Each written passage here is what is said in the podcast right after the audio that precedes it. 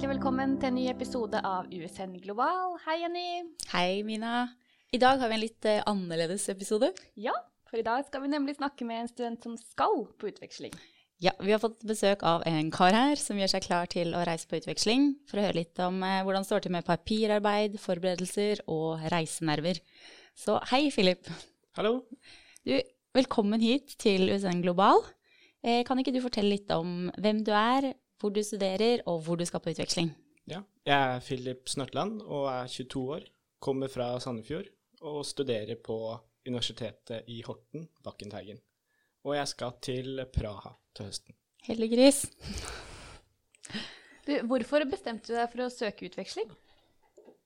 Nei, jeg vil jo si at det å dra på utveksling er jo en fin måte på å få utfordra seg sjøl litt. Både på det språklige og kunne lære seg å bruke engelsken godt. Og selvfølgelig så ser det jo bra ut på en CV når du skal begynne å søke jobber og sånn, og har vært på utveksling. Dette lyder som eh, musikk eh, i mine ører. Men hvordan står det til med reisenervene akkurat nå? Akkurat nå, de har jo begynt å komme litt, siden jeg drar 10.9., så det er ikke så fryktelig lenge til. Men eh, foreløpig så går det greit. Det kommer nok litt nærmere. Philip har altså hatt en lang sommerferie og hjelper litt på nervene, kanskje. Hva syns du om søknadsprosessen, da? Både fra måte, vår side, fra USN sin side, og i forhold til partnerskolen? Det har egentlig vært ganske enkelt og greit fra jeg fikk den nominasjonsmailen hvor det sto det var fire enkle steg da, som jeg skulle følge. Og så har jeg egentlig bare gjort det, og så har det gått greit. For det er mange som snakker om at det er en sånn papirmølle med veldig mye ting som skal gjøres, og, og du er i tillegg Du skal få Erasmus-stipend i tillegg, så du har på en måte mest å gjøre. Eh, men du syns det har vært greit? Det har jo vært eh, veldig greit egentlig, for alt går jo på nettet. Det er ikke så mye fysisk papir som skal signeres, alt blir jo signert over nett. Og da er det egentlig veldig greit å slippe å skanne og styre og ordne med sånne ting. Så det gjør det mye lettere da, å kunne følge med.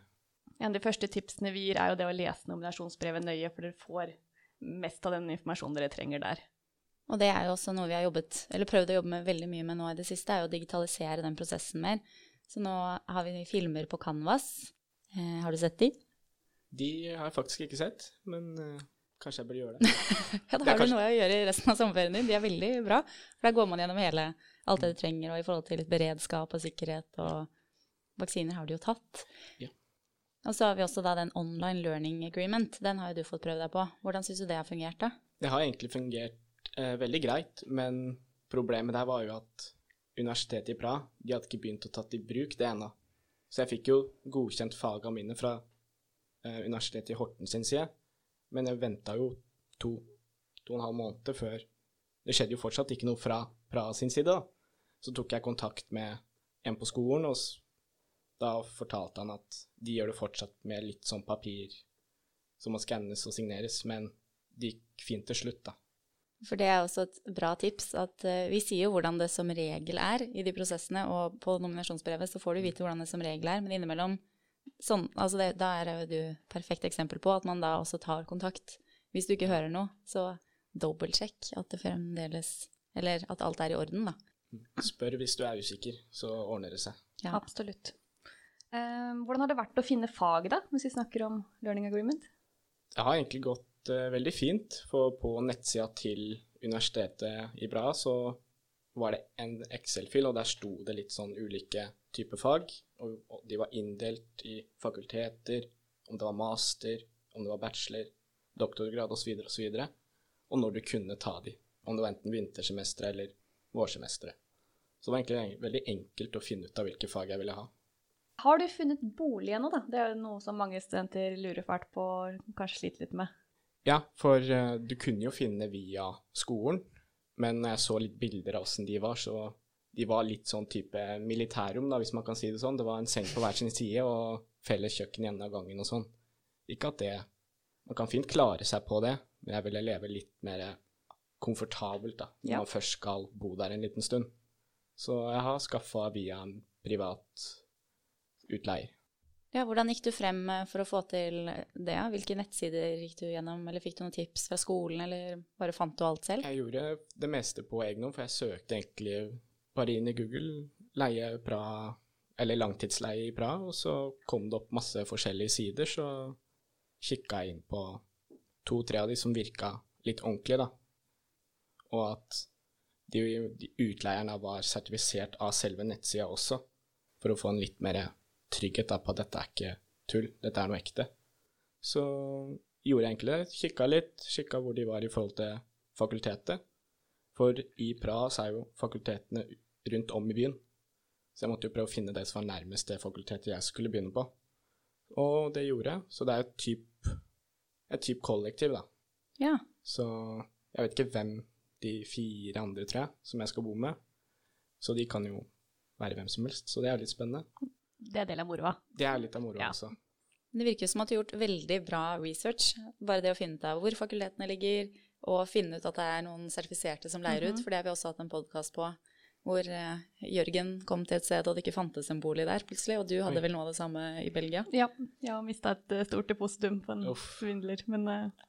Så er det godt å høre at uh, du har gjort uh, riktig research. Ja. bra noen gjør det, si. Ja, det er kjedelig å komme ned, og så har du ikke et sted å bo. Men har du begynt å pakke? Nei, det har jeg ikke ennå. Men jeg har begynt å tenke med hva jeg skal ha med, hva jeg eventuelt ikke trenger som jeg kanskje kan kjøpe der nede istedenfor. For det blir jo mye å ta med. Mm. Ja, det er jo en av de positive tinga også med å kanskje reise på utveksling til Øst-Europa, er at det er jo litt billigere å få tak i nødvendigheter. Trenger ikke å pakke med deg alt. Nei, det gjør jeg ikke. Alt er jo i hvert fall halvparten så billig der nede. Både mat, drikke, bo, klær, alt mulig. Så Men et lite tips er å ta med noen bilder eller noen plakater, eller å gjøre det litt sånn hjemmekoselig. Ja. Eh, Hvis det er helt sånn sterile hvite vegger, så blir det oftere hjemlengsel. Men å ha noen sånne ting som er litt sånn hyggelig da, på rommet. Men hvis du skal bo i et kollektiv, så er det sikkert, har sikkert de noe der fra før av også. ja, sikkert. Hva gleder du deg mest til?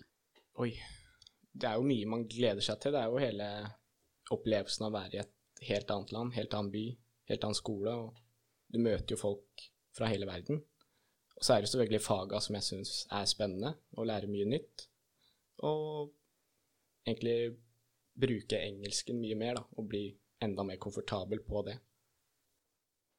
For det syns jeg også er veldig fint å tenke at man trenger ikke å dra til eh, USA eller eh, UK for å lære seg engelsk, eller for å bli bedre i det. Jeg dro til Stockholm, og det var der jeg lærte å snakke engelsk, merkelig nok. Så Ja. samme hvor du drar i Europa, du treffer masse internasjonale studenter, og spesielt på Erasmus-opphold. Det finnes en egen Erasmus-app eh, hvor det ligger inne aktiviteter som de arrangerer på de ulike universitetene. Så det finnes jo masse gode hjelpemidler, og man ja, blir sosial med en gang og snakker engelsk. Og... Mm. Men er det noe du gruer deg til, da? Gruer meg til Ja, det er jo Største frykten er jo å komme der, og så finner du ikke fram det klasserommet, eller du begynner å stresse, og hva gjør jeg nå? Hva skal jeg gjøre nå? Hvem spør jeg? Hvor er jeg? Og lett, rett og slett bli lost. Fordi det er så mye inntrykk å ta inn. Det kan jeg garantere at noen andre også blir i så fall, så da er Ja. dere flere om det. Ja, det er godt å ikke være alene om det. Hvilke fag er det du skal ta der nede, da? Husker du det? Jeg husker noen. Det ene var sportspsykologi, basic management, athletics, og da var det lengde og høyde. Og så var hun Jeg tror det var tre-fire fag til, så det måtte jo bli 30 studiepoeng til sammen. Så det var ca. syv fag på, som var på tre til fire studiepoeng. Noen var på fem, da. Men jeg husker ikke alle. Det er godt med sånn variasjon i fagene, da. At ikke at Ja. det bare har to 15 Mm. og så Mm. det er det, på en måte. så måtte jeg velge litt ulike fag fra det på en måte jeg har hatt fra før, da, for at det skal kunne godkjennes av skolen. Men det er jo veldig spennende å kunne få helt andre fag enn det vi har på USN. Fordi man kan jo tilby en del her, men allikevel, nå får du jo en veldig mye mer spissa og eh, spennende, kanskje, bachelorgrad du Personlig. ja, Mm. har det som alle andre har da, her på USN. Det er jo litt kjedelig, syns jeg, da. Så da å få noe nytt og litt annerledes fag syns jeg er veldig positivt, da.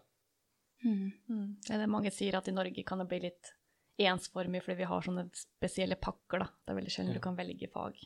Så det er jo en positiv ting med å reise på utveksling, da, hvis du vil ha litt variasjon. Ja. Føler du deg godt forberedt, da?